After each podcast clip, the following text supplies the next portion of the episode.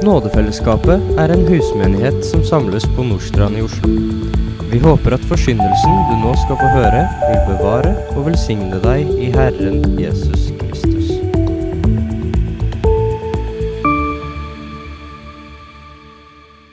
Samme dag gikk Jesus ut av huset og satte seg ved sjøen. Det samlet seg mye folk omkring ham, så han steg ut i en båt og satte seg der. Og alt folket sto på stranden. Han talte til dem i lignelser og sa.: Se, en såmann gikk ut for å så. Og det han sådde, falt noe ved veien, og fuglene kom og åt det opp. Noe falt på steingrunn hvor det ikke hadde mye jord. Det skjøt straks opp fordi det ikke hadde dyp jord. Men da solen steg opp, ble det avsvidd, og fordi det ikke hadde rot, visnet det. Noe falt blant torner, og tornene vokste opp og kvalte det. Men noe falt i god jord og bar frukt. Noe hundrefold, noe sekstifold og noe trettifold. Den som har ører, han høre. Disiplene kom da til ham og sa, Hvorfor taler du til dem i lignelser? Han svarte dem og sa, Fordi dere er det gitt å få kjenne himlenes rikes mysterier. Men dem er det ikke gitt. For den som har, til ham skal det bli gitt, og han skal ha overflod. Men den som ikke har, skal bli fratatt endog det han har. Derfor taler jeg til dem i lignelser. For de ser, og likevel ser de ikke. De hører, og likevel hører de ikke, og forstår ikke. På dem blir Jesajas profeti oppfylt som sier. Dere skal høre og høre, men ikke forstå, og se og se, men ikke skjelne. For dette folks hjerte er blitt sløvt, og med ørene hører de tungt. Og sine øyne har de lukket til, så de ikke skal se med øynene eller høre med ørene og forstå med hjertet og omvende seg, så jeg kunne få lege dem. Men dere, salige er deres øyne fordi de ser, og deres ører fordi de hører. Sannelig sier dere, mange profeter og rettferdige har lengtet etter å se det som dere ser, men fikk ikke se det. Og å høre det som dere hører, men fikk ikke høre det. Kjære Herre, vi ber deg om at du nå får lov til å åpenbare ditt ord for oss, slik at det kunne få trenge inn i hjertet, slik at du kunne komme inn og lege oss, Herre, fra innsiden. Det ber vi om i Jesu navn. Amen. Samme dag, Det er altså denne samme dagen som vi har snakka om noen søndager nå. Den dagen hvor Jesus helbreda denne blinde og stumme og demonbesatte mannen. Hvor han altså blir beskyldt for å ha sin kraft fra Satan. Og hvor altså hans familie kommer for å tale med han. Og Så gikk Jesus ut av det huset der han var, og så gikk han ned til sjøen. Kanskje trengte han litt frisk luft etter han hadde vært i et hus som bare var fullpakka av mennesker. Jeg kunne tenke meg jeg hadde trengt det hvis jeg hadde stått der inne noen timer. i hvert fall. Men det samla seg straks mye folk rundt han. Så mye folk at Jesus han satte seg opp i en båt, og så sto altså folket på stranda. Og På denne måten så kunne jo da Jesus, som da er skaperen av alle ting og vet alle ting, han kunne bruke vannet som den naturlige forsterkeren det blir. For hvis du står ute på et vann litt fra stranda, og du taler, så vil vannet bære lyden på en helt spesiell måte. Og det visste jo selvsagt Jesus. Og det gjorde at alle både kunne se han og høre han. Så er jo vi vant til at den som underviser og taler, det er han som står, og så er, sitter alle de andre. Men sånn var det jo ikke på Jesu tid. Det var ofte omvendt. Den som underviste, var den som satt, og alle de andre sto. Da vi starta med bergprekenen i Matteus 5 for to år sia, så leste vi da han så folket, gikk han opp i fjellet. Der satte han seg, og disiplene hans kom til ham. I bergprekenen så tok Jesus til orde og lærte folket, står det. Jesus underviste dypt og grundig om veien til frelse, hvordan bli et Guds barn, hvordan en lever som en disippel, hvordan et menneske skal leve hellig, hvordan en ber, hvordan man forholder seg til penger, til fattige, til det å dømme osv., osv., og, og hvordan Jesus selv oppfyller hele loven. Og kontrasten mellom det Og den måten Jesus nå taler til folket på, den er veldig stor. For noe har nå skjedd i mellomtida. Og han talte mye til dem i lignelser, sier dagens tekst. Lignelser det er jo en fortelling som illustrerer noe på en slik måte at konsepter, filosofier eller åndelige eller guddommelige sannheter blir lettere for oss å forstå. Lettere å huske, og dermed lettere å også applisere eller anvende inn i sitt eget liv. Så det er altså et veldig, veldig godt verktøy å bruke det. Det blir litt sånn som en melodi til en tekst. Ofte så vil melodien i utgangspunktet være mye mye lettere å huske enn selve teksten. Men når man derimot altså har lært sangen, så husker man teksten resten av livet. Hvis du hadde bare prøvd å gjøre det med teksten, så tror jeg ikke det samme hadde skjedd. Og en lignelse er på mange måter akkurat slik. Og slik er det mulig å kunne altså en sang utenat. Det går an å huske en lignelse ordrett uten at en har forstått hva en lignelse egentlig handler om. En lignelse kan altså forstås på to måter. Det er en overfladisk betydning, og så er det dens dypere mening. Og For å forstå det siste her, så må den som forteller lignelsen, han må avsløre hva lignelsen er ment å belyse. Han må snakke om hvilket konsept er det jeg prøver å ligne dette med. Hvilken filosofi eller hvilken guddommelig sannhet er det jeg nå prøver å hjelpe dere med å forstå. Og Uten at dette forklares, så vil en lignelse, altså på tross av at man forstår dens direkte budskap, forbli et fullkomment mysterium. Jesus begynte å tale mye i lignelser, og dette skjer etter at folket altså har avvist ham og til og med beskyldt ham for å ha sin kraft fra Satan. Så sier Jesus, 'Se, en såmann gikk ut for å så'. Jesus starta rett på en lignelse. Lignelsen om såmannen. Og Det er en lignelse som mange kan godt og har hørt forkynt mange ganger. Har du noen gang tenkt på hva er det som mangler? Det mangler en innføring i hva denne lignelsen skal ligne. De som sitter og hører Jesus sier dette, har altså nå ingen anelse om hva det er Jesus prøver å si. Jesus gir dem ingen kontekst for å kunne forstå noe annet enn lignelsens veldig overflatiske innhold.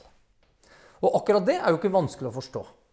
Og spesielt ikke for de som nå sto på stranda, hvor altså mange av de gjerne hadde førstehåndskjennskap til landbruk. Og som altså levde av og veldig nært naturen. Det kan altså være verre kanskje for noen her òg, som knapt har satt sine ben nord for Sinsenkrysset, og kanskje aldri har vært ute på en åker. Da kan det kanskje være litt verre. Men jeg tror til og med de altså vil ha en mulighet til å forstå her. Og da han sådde, falt noe ved veien, og fuglene kom og åt det opp. I disse fruktbare områdene i Galilea så var det åkrer overalt. Og de var jo ikke slik som vi er vant til å se de. Sant? Vi er vant til å se svære områder, uavbrutte jordstykker på mange dekar. Og det ble jo først mulig i moderne tid, når vi begynte å dyrke jorda maskinelt. Nei, dette her må vi se for oss. Dette var små åkerlapper avbrutt av små stier av hardtrampa jord som gikk på kryss og tvers for å komme seg til alle disse forskjellige små åkerlappene som folkene hadde. Og Jesus forteller ikke hva bonden sår, og, og kanskje sto folket der og lurte på det, de også. Og så er det lett for oss automatisk å begynne å tenke på korn. Enten altså bygg eller hvete. Og det, begge de to var, brukte de der nede. Og grunnen det er jo at viktigheten for kornet ved å gi det daglige brød og fordi den neste lignelsen som Jesus forteller, spesifikt sier at det handler om hvete. Og Derfor er det veldig lett at vi automatisk tenker at dette handler om hvete. En mann som altså gikk der og sådde for hånd, han, og kasta da dette såkornet rundt seg, han ville garantert at noe av det såkornet det ville ende opp på disse stiene som gikk rundt der. Og Der var jorda så hard at kornet det ble jo liggende på toppen. Det var åpent, og det var lett tilgjengelig for fugler. Og disse ville jo garantert følge med når det var en mann ute og sådde. Dette har jeg opplevd veldig godt selv når jeg var ute i hagen og sådde gressfrø. Det har aldri vært så mye fugler i den hagen som akkurat da. Og de spiste altså så mye av disse gressfrøene at jeg var nødt til å så en gang til seinere. For ellers så ble det altfor pistrete, den der plenen. Så står det noe falt på steingrunn, hvor det ikke hadde mye jord. Det skjøt straks opp fordi det ikke hadde dyp jord. Men da solen steg opp, ble det avsvidd, og fordi det ikke hadde rot, visnet det. Noen steder på åkrene så var det steingrunn. Og dette var jo ikke løse steiner. For en god bonde han vil alltid samle sammen løse steiner. Det må gjerne gjøres hver, hver eneste vår, fordi at steinene blir pressa opp av bakken av telen som kommer. Så det er ikke det som det menes her. Men det var rett og slett at det var så tynt jordlag over direkte fjell. Og I Norge så kjenner vi veldig godt til det, for sånn er det mange plasser i Norge at det er veldig lite jord rett over hardt fjell. Og Likevel så er ikke det så farlig i Norge. Og det er av den enkle grunn at det her regner det stadig vekk. Det kommer så mye nedbør at det selv altså på plasser hvor det nesten ikke er jord Jeg vet ikke om du har sett det, men det er noen ganger du kan se et helt tre som står der på bart fjell, virker det som, og klarer å vokse der. Hvordan det henger fast der oppe, det, det kan man virkelig lure på. Men det er mulig i Norge å ha veldig lite jord, og likevel så er det ting som vokser der. I Israel så er det ikke sånn. Hvis en plante ikke makter å sette dype røtter, så vil det der tynne jordlaget det vil ganske raskt begynne å tørke ut når det ikke er regntid, eller den sesongen hvor det regner. Eh, og da vil, selv om plantene har begynt å skyte opp, så vil den visne når tørken kommer. Og hvete Litt interessant. De har faktisk noen av de dypeste røttene av alle åkervekster. De kan faktisk nå to meter ned i jorda, ifølge leksikonartikkelen som jeg leste. To meter. Noe falt blant torner, og tornene vokste opp og kvalte det. Jeg vet ikke om dere har sett et sånn nypløyd jorde. Det kan synes som at hele det jordet vil kunne gi god avling. Det ser veldig bra ut. Og etter hvert så vil det likevel skyte opp ting som har ligget der skjult nede i jorda. Både det som allerede altså befinner seg der, og det som blir sådd bevisst. Eller det som av andre grunner altså finner veien ned i jorda. Det vil begynne å skyte opp. Og Det kan f.eks. være hvis en fiende kommer og sår ugress i åkeren for å ødelegge. Og alt dette her vil ødelegge for bondens vilje og for det bonden egentlig sår. Så står det med noe falt i god jord og bar frukt. Noe hundrefold, noe sekstifold og noe trettifold. Og jeg mener En åker er ikke anlagt der det ikke finnes god jord. Da må du være svært desperat, i hvert fall. En bonde han sår ikke der det ikke finnes god jord. Så noe må altså falle i god jord. Det er helt naturlig. Og Jeg vet ikke hva du har tenkt, men, men så langt så er det ingenting spesielt. Det er ingenting overraskende eller lærerikt i det Jesus har fortalt. Og så endrer det seg likevel helt til slutt når Jesus begynner å fortelle om avlingen bonden får fra det som falt i god jord. Og Hvis vi da holder oss til hvetekorn, så kunne man på Jesus sin tid forvente å få igjen ca. åtte til én. Åtte korn for hvert ene korn du sådde. Altså med andre ord åtte fold. Det var det man kunne forvente. Mulig at de kunne få mer enkelte tider, men åtte fold er det jeg har lest at det var, kunne være vanlig. Siden noe av såkornet ble spist opp, noe døde og noe ble kvelt, så kan vi kanskje forvente at av det kornet som falt i god jord, så var det kanskje mellom 10 til 15 korn per aks. Men Jesus han snakker om hundrefold. Han snakker om 60 fold, han snakker om 30 fold. Og venner, det ville ikke bare være ekstraordinært. Det ville være et under. Det ville være noe som bare Gud kunne klare å få til.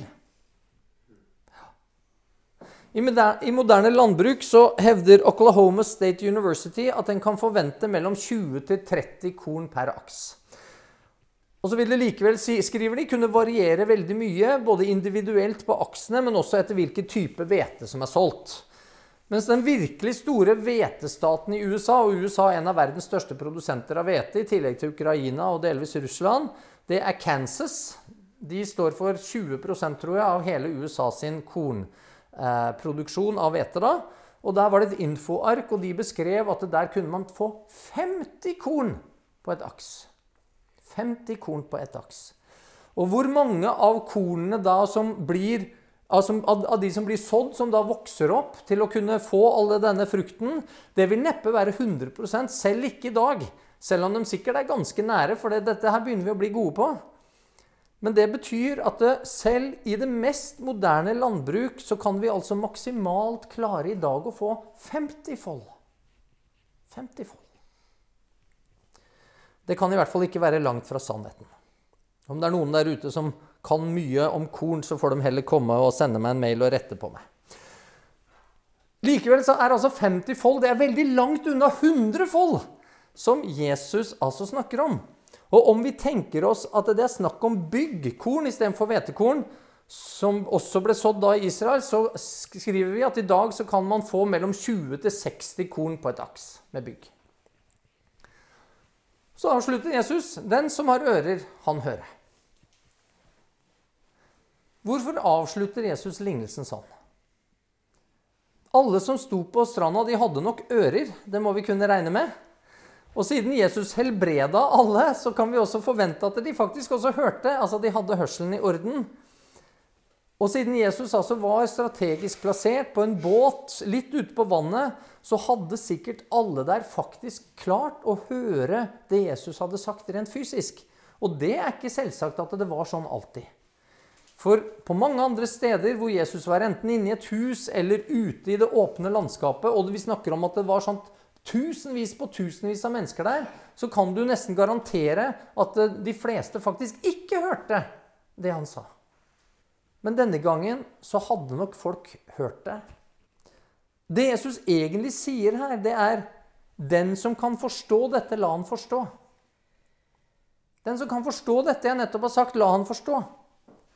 Og det høres egentlig ut som en utfordring, gjør det ikke? Alle hadde forstått det Jesus sa. Samtidig så hadde ingen forstått hva Jesus egentlig underviste. Alle skjønte at dette måtte være en lignelse. Samtidig så visste alle at Jesus ikke hadde fortalt dem hva lignelsen handla om. Det at Jesus avslutter med en utfordring til dem om å forstå, gjør at denne lignelsen egentlig blir en gåte for folket. Det blir en gåte. Tenk dere selv at dere ikke kjente noe mer nå til denne historien enn det Jesus så langt har, har sagt.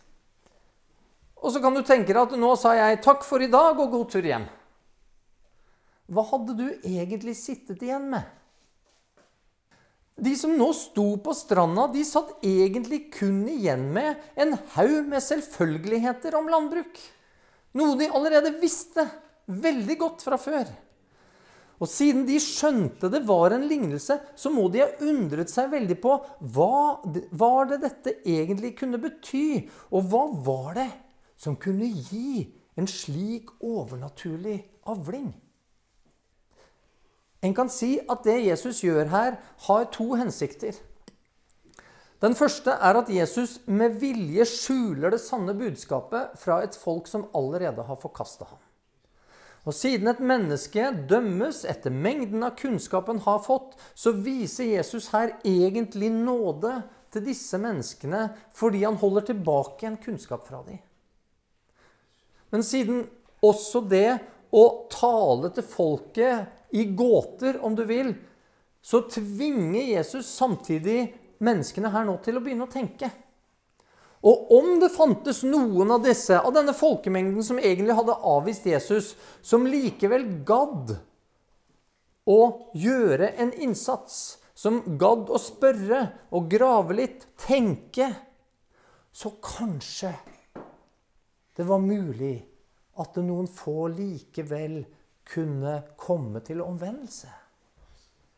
Og igjen så vitner det, venner, om nåde. Jesus tvinger på en måte fram et skille i tilhørerne her mellom de som ville prøve å forstå, og de som var fullstendig likegyldige og avvisende. Han tvinger det fram fordi han mater dem ikke med teskje lenger. Han har presentert dette som en gåte som nå krever noe av dem. Disiplene opplevde denne måten Jesus nå snakka på, som veldig underlig, og derfor så kom de til ham og sa, 'Hvorfor taler du til dem i lignelser?' Han svarte dem og sa, 'Fordi dere er det gitt å få kjenne himlenes rikes mysterier.' Men dem er det ikke gitt. Hvorfor taler du til folket på en måte som gjør at de ikke klarer å skjønne hva du sier? Det er det disiplene spør om. Dette er forunderlig for dem. Dette skjønner de ikke. Og så forsto de jo det heller ikke selv. Og det bidro jo selvsagt også til at de spør. Jesus sitt svar det er både opplysende og samtidig veldig alvorlig. Han åpner opp om hva lignelsen handler om. Og omsider så forstår vi at det, jo, den, den handler om himlenes rike. Men dette hører jo ikke de som står på stranda. Det er bare disiplene som hører dette. Og de var sikkert da med Jesus der ute i båten. Og kanskje holdt de, jobben deres var å holde denne båten i ro, sånn at ikke vind eller strøm i vannet drev denne båten bort mens Jesus talte. Disiplene fikk altså høre hva lignelsen handla om, og så senere så fikk de den også forklart av Jesus. Det var dem gitt. De fikk motta en gave. En gave fra Gud som ga dem forståelse og innsikt i det Bibelen altså her kaller et mysterie. Innsikt som de som sto på stranden den dagen, ikke ville få. Paulus han omtaler dette slik i de kjente ordene fra Efeserne 2,8.: For av nåde er dere frelst ved tro. Og dette er ikke av dere selv. Det er Guds gave. Det er Guds gave. Det er gitt. Nåden ved tro er altså en gave fra Gud, en gave som krever kunnskap. En kunnskap som må gis fra Gud, som altså må åpenbares. Og troen er slik at den ikke på noen måte eller gjennom noen tider kan forstås av mennesket uten gjennom åpenbaring. En åpenbaring altså fra Gud. Og dette gjelder alle troens aspekter. Det gjelder alle troens fasetter, helt fra begynnelsen og helt til slutt. Ved tro skjønner vi at verden er skapt. Bibelen sier at vi vil aldri klare på menneskelig vis å finne ut disse tingene. Den sier ved tro skjønner vi at verden er skapt. Hvordan skjønner vi det? Ved menneskelige undersøkelser og kunnskap? Nei, ved Guds ord, står det. Så det en kan se, ikke er blitt til av det synlige, står det i Hebreerne 11,3. Og dette her, det er så fundamentalt, venner, for alt som har med kristen tro å gjøre. Gud har gjennom historien åpenbart stadig mer av himlenes rikes mysterier. Mennesker har gjennom den samme historien blitt frelst ved tro på det Gud til enhver tid har åpenbart. Forfatterne av hebreerne beskriver dette egentlig. Han, han sier mange ganger og på mange måter har Gud tidligere talt til fedrene gjennom profetene men nå, i disse siste dager, har han talt til oss gjennom Sønnen. Hver gang mennesker avviste det Gud kom med, enten det var Gud selv til Adam og Eva, eller det var gjennom profetene, så fikk det altså store, store konsekvenser i Det gamle testamentet. Det er det hele Det gamle testamentet vitner om igjen og igjen. Og menneskene som sto på stranda, de hadde avvist Sønnen, det som Sønnen talte. Og det hadde også alvorlige konsekvenser. For den som har, til ham skal det bli gitt, og han skal ha overflod. Men den som ikke har, skal bli fratatt endog det han har. Derfor taler jeg til dem i lignelser. Jesus sier det veldig klart og tydelig her. Han taler til folket som har avvist ham i lignelser, nettopp for at de ikke skal forstå. Det er Jesu vilje at de ikke skal forstå. Men det stopper ikke med det. Fordi det han sier, det er at han taler det til dem også i lignelser. Både for at de ikke skal forstå, men for at de faktisk skal bli fratatt selv det de har. Israelsfolket hadde mottatt mye fra Gud. De hadde fått mye åpenbaring. De hadde fått stort ansvar. De hadde Skriften, de hadde loven, de hadde profetiene, de hadde prestetjenesten, de hadde tempelet, de hadde ofringene, de hadde pakten. De hadde soningen, de hadde hele den religiøse utøvelsen. De hadde til og med fått sønn, sin etterlengtede Messias. Når folket avviste Jesu lære, og med det Jesus selv, hva var det som skjedde? Jo, de ble fratatt det de allerede hadde. De mistet tempelet i år 70. Og med det så mista de plassen hvor hele deres religion skulle utøves. De mista prestetjenesten, de mista ofringene, de mista forsoningen, de mista videre åpenbaring og forklaring av den åpenbaringen de allerede hadde. De mista ansvaret for å utbre Guds rike. De mista velsignelsen, de mista den nye pakten, og de mista sitt land. Tilgangen til sitt eget rike etter år 135. Dette var altså et alvorlig tegn på at de gjennom å avvise Messias ikke bare mista kunnskap om Guds rikes mysterier, men de mista tilgangen til Guds rike så lenge de ikke omvendte seg. De mista det de allerede hadde. Og de mista all mulighet for alt i framtida med mindre de omvender seg. Så viser profetiene at en gang så skal de det. En ortodoks jøde venner, han, han sitter igjen med nesten ingenting. De sitter igjen med noen få misforståtte åndelige sannheter, men de mangler alle muligheter for å utøve det de tror. De konservative jødene sitter igjen med enda mindre, og de reformerte og nominelle jødene de sitter omtrent bare igjen med noen historiske tradisjoner som ikke er med å gi dem noe åndelig ro. De har mista alt de hadde. De har mista og mista. Det er faktisk mer alvorlig enn det. De er fratatt. Det er en aktiv handling. Det er Gud selv som virker. Det er ikke noe de tilfeldigvis mista selv. Nei, det er noe som har blitt tatt fra de med vilje. Og Derfor så må dette venner, være en veldig sterk påminnelse til deg og meg. En sterk påminnelse om alvorligheten av å avvise om det så bare er deler av Guds ord. For Jesus han begrenser nemlig ikke dette å bli fratatt selv det han har, til jødene. Det står ikke det her.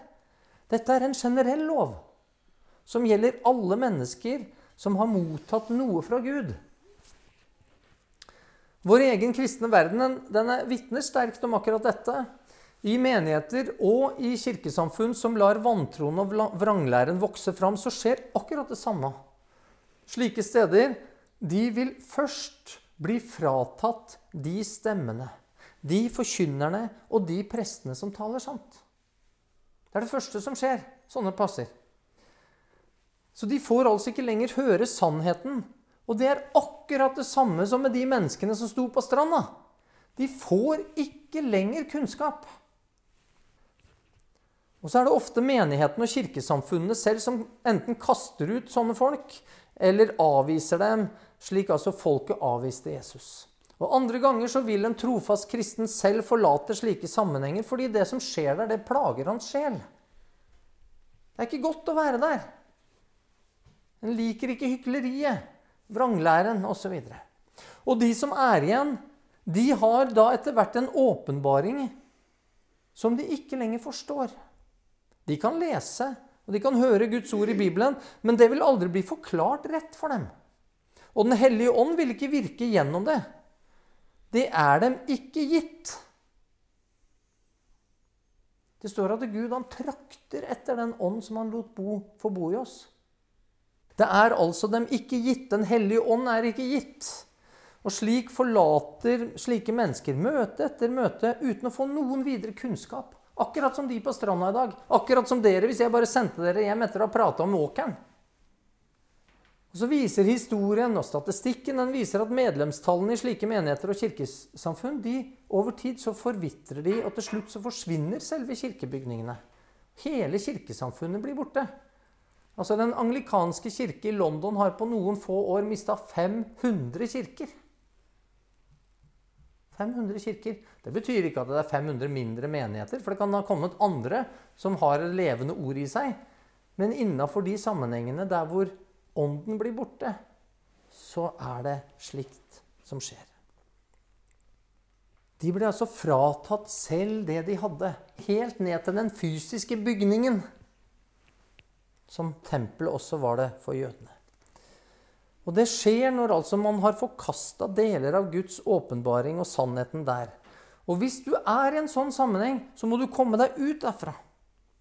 For ellers så står du selv i veldig stor fare for å bli fratatt det du òg har.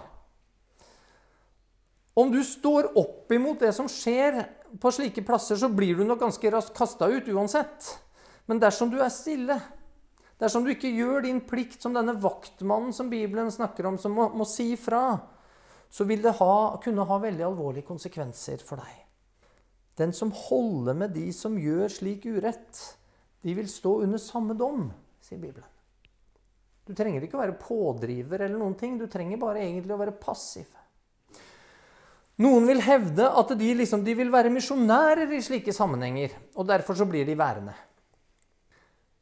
Jeg må innrømme at jeg opplever, uten å slå det 100% fast her, med en viss ydmykhet vil jeg si dette, så er det at slik at de bibelske tekstene de synes å vitne sterkt om at det der hvor man har hatt tilgang til sannheten, og etterpå forkasta den, så er muligheten for en snarlig omvendelse svært liten. Det kan heller synes som at den generasjonen som forkasta sannheten, og gjerne deres barns generasjon, gjerne må dø før man kan forvente en ny vekkelse. Og Som kristen så bør en være opptatt av avling, av avkastning. Jesus er jo det han snakker om 30, 60 og 100 fold. Han forventer at det skal skje noen ting. Og Hvorfor da ikke heller gå ut og være en misjonær blant de som ennå ikke har fått noen ting? Der du kanskje kan forvente at det blir litt avkastning, at det blir litt avling. Men kanskje så vil man ikke det, fordi det er så innmari mye mer behagelig å bli værende der en alltid har vært. Men det er altså åndelig sett veldig farlig. For de ser, og likevel ser de ikke. De hører, og likevel hører de ikke og forstår ikke. Den som har øre, han hører. Det var altså Jesu utfordring til dem. De hadde hørt hva Jesus sa, og mennesker i dag kan høre hva Jesus sa, hva Bibelen sier, men på tross av at de altså kan høre forkynnelse eller studere teologi, så sitter de igjen etter studiene og etter å ha hørt forkynnelsen uten å ha forstått noe som helst.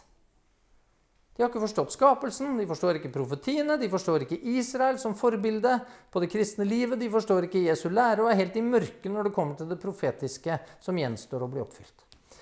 De har også tilgang til Guds ord, men pga. vantro og lovløshet så har ikke Gud gitt dem å forstå. For selv altså etter at vi har fått Bibelen, så må det åpenbaring til. Troens gave er fratatt dem. Romerne 1 sier det også. De er overgitt til et udugelig sinn. De forstår lignelsen, men de aner ikke hvordan lignelsen påvirker dem selv, hva den forteller om deres eget jordsmonn, deres eget hjerte. Det er skjult for dem. På dem blir Jesajas profeti oppfylt, som sier:" Dere skal høre og høre, men ikke forstå. Se og se, men ikke skjelne. For dette folks hjerte er blitt sløvt, og med ørene hører de tungt, og sine øyne har de lukket til, så de ikke skal se med øynene eller høre med ørene og forstå med hjertet, og omvende seg, så jeg kunne få lege dem. Jesus han siterer jo her fra Jesaja kapittel 6, og der får Jesaja verdens tyngste arbeidsbeskrivelse. Det vil jeg påstå. Og den arbeidsbeskrivelsen var slik Uansett hvor god jobb du gjør, om du er verdens beste tidenes mest fantastiske profet, så er det ingen som kommer til å høre på deg. Det er hyggelig. Eh, det er såpass deprimerende at Jesaja han, han spør naturlig nok hvor lenge. Hvor lenge må jeg holde på med det her? Og så blir svaret fra Gud til byene er ødelagt og folketomme, og husene uten mennesker, og landet er ødelagt og blitt til en ørken. Dette her, det skjedde fra Jesaja profeterte til altså ganske mye senere, altså etter Jesajas død, når babylonerne straffet Juda for sitt opprør, og så ødela de tempelet og Jerusalem. Profetien den ble altså oppfylt før Jesu tid, men Jesus sier at profetien også ble oppfylt på jødene som folk på hans tid. Og Sånn er det med mange profetier i Det gamle testamentet. At de kan bli oppfylt, men de er ikke fullt oppfylt. De kan altså ha flere runder med oppfyllelse. Og På Jesu tid så skjedde jo altså akkurat det samme. Det var et folk som hørte masse på hva Jesus sa, men ørene hørte ikke, øynene så ikke. Og til slutt så ble Jerusalem og tempelet igjen ødelagt og folket spredt. Nøyaktig det samme som egentlig skjedde under Jesaja og Jeremia. Profetien gjelder på mange måter til alle tider der folk som har fått kunnskap fra Gud, ikke lenger vil tro på det de er blitt gitt. Og Det vil også skape ødeleggelse, også slik som romerne en da vitner om.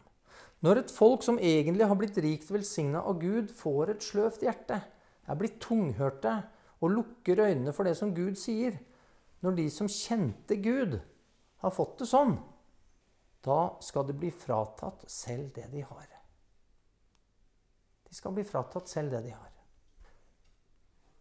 Men dere Salige er deres øyne fordi de ser, og deres ører fordi de hører.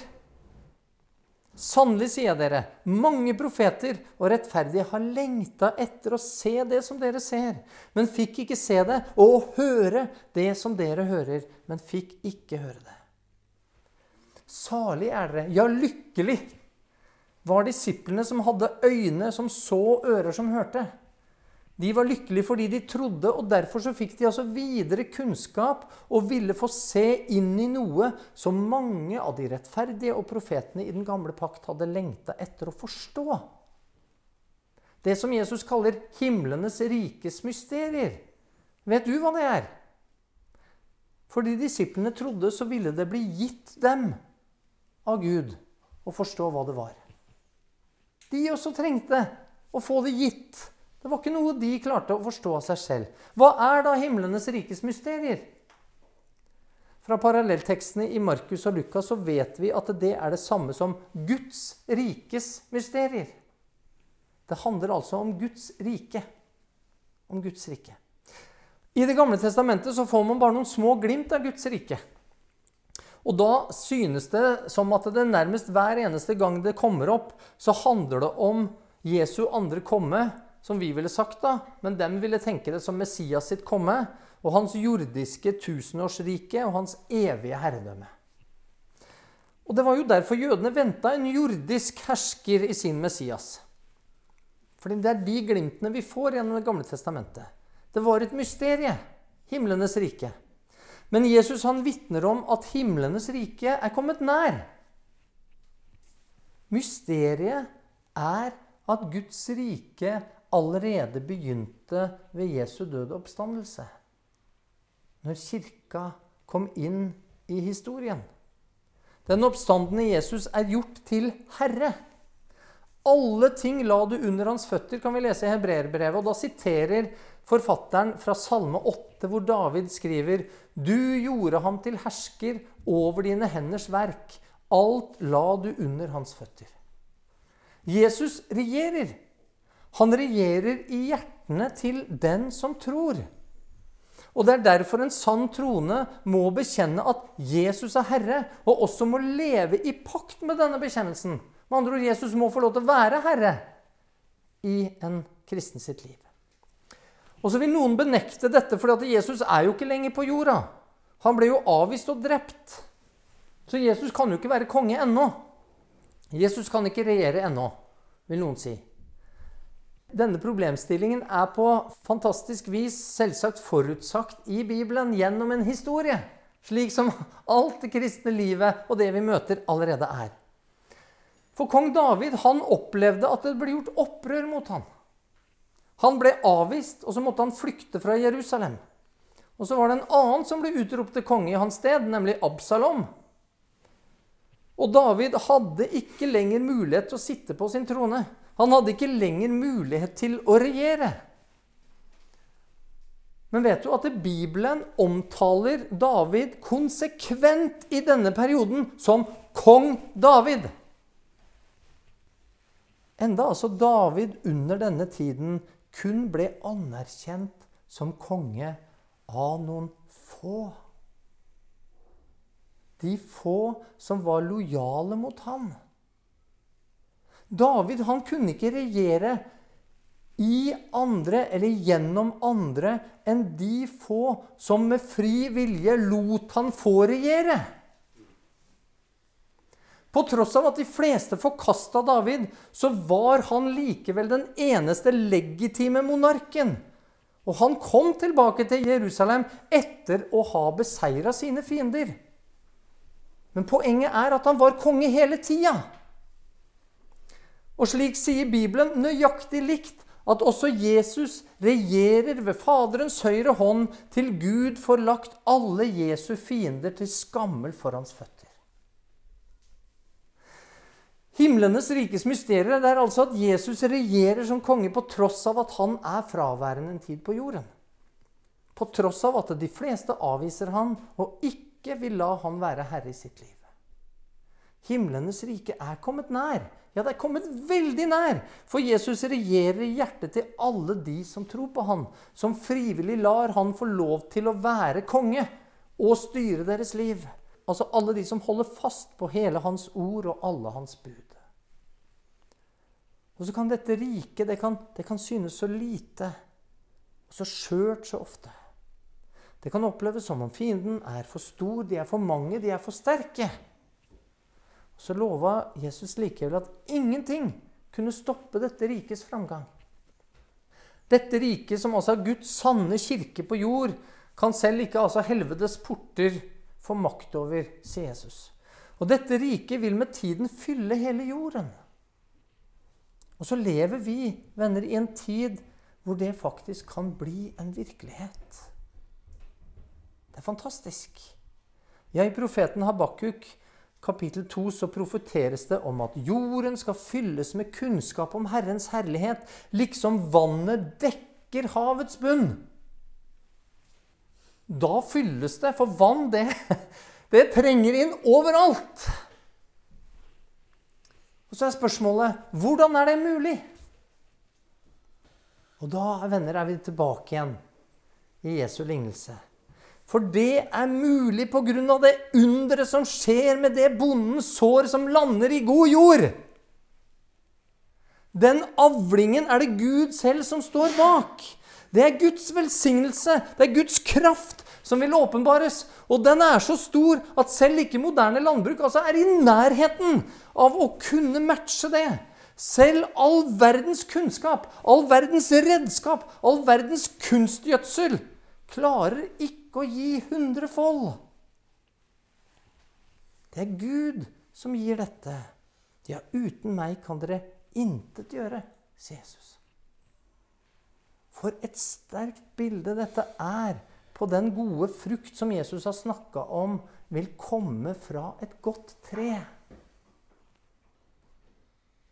Og Derfor, min venn, skal du få lov til å være lykkelig. Du som det er gitt å forstå dette. Som har fått lov til å se inn i Guds rikes mysterier. Og så skal du få lov til å ta det til deg, og så skal du få glede deg over at du får høre Jesus til. At du, som er en del av himlenes rike mysterier, når Jesus får regjere i ditt liv, du skal få lov til å glede deg. Og så ønsker Herren han ønsker å skape en stor avling mye god frukt gjennom deg. Og Derfor så sier jeg igjen gled deg og fryd deg. For den som har, til ham skal det bli gitt. Og han skal ha overflod. Han skal ha overflod. Overflod av kunnskap. Overflod av tillit og tro. Og som Paulus altså skriver i 2. Korinterbrev 9, så vil Gud gi nåde i rikelig mål og det er det du og jeg trenger mer enn noen ting. Og så fortsetter han og overflod til all god gjerning. For den som har, til ham skal det bli gitt, og han skal ha overflod. Kjære Herre, vi takker deg for dette håpefulle som vi fikk lov til å avslutte med. Dette håpefulle i at du gir At du gir kunnskap, og du gir forståelse. Du gir tro. Herre, det er en gave, og vi ber, Herre, om at vi kan få lov til å ta imot det du vil gi. At vi kan få lov til å tro og ikke avvise det som du åpenbarer i ditt ord, Herre. Jeg ber, Far, om at vi som kan kjenne oss så små, så skrøpelige i oss selv, at vi først får lov til å ta imot av den nåde som du rikelig vil gi til hver enkelt av oss, Herre. Nåde for våre feil og mangler og nederlag. Amen.